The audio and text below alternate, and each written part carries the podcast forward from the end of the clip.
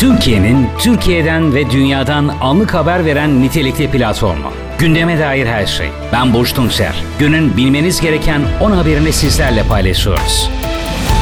Cumhurbaşkanı Erdoğan, Türkiye Arnavutluk deprem konutları anahtar teslim töreninde konuştu. Depremden sonra bölgeye yardıma koşan ilk ülkenin Türkiye olduğunu söyleyen Erdoğan, deprem konutlarının açılışıyla Türkiye Arnavutluk dostluğunu taşlandırıyoruz. Bugün toplam 522 konutu içeren yaklaşık 42 milyon avroya mal olan evleri teslim ediyoruz dedi. Osman Kavala'nın tutukluluk halinin devamına karar verildi. İstanbul 13. Ağır Ceza Mahkemesi birleştirilen Gezi Parkı ve Çarşı davasının 3. duruşmasında Osman Kavala'nın tutukluluk halinin devamına karar verildi.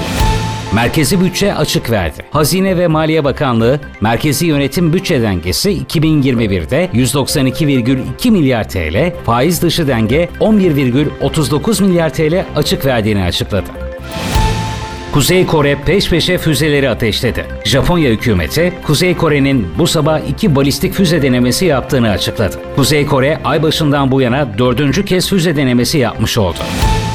Otomotiv Sanayi Derneği, 2021 yılında toplam araç üretimi 2020 yılına göre %2 azalarak 1 milyon 276 bin 140 adet. Otomobil üretimi ise %8 azalarak 782 bin 835 adet olduğu açıklamasını yaptı.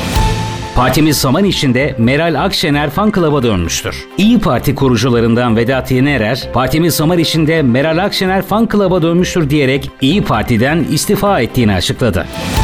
Twitter'da haddini bil İBB etiketi. İstanbul Büyükşehir Belediyesi'nin İstanbul'u Seyret isimli web sitesinde Ayasofya'nın müze olarak gösterilmesine tepki olarak Twitter'da haddini bil İBB etiketi açıldı. Tepkiler sonrası İBB, ilgili sayfadaki Ayasofya Müzesi ifadesini Ayasofya'yı Kebir Camii olarak değiştirdi.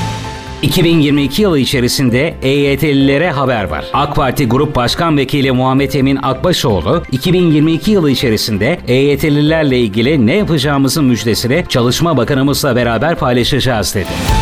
5 saatimiz telefonda geçiyor. Uygulama izleme firması Annie'nin raporuna göre insanlar günde neredeyse 5 saatini mobil telefonlarında geçiriyor. 2021'de en çok indirilen uygulamalar ve detaylar haber.gdh.dijital'de.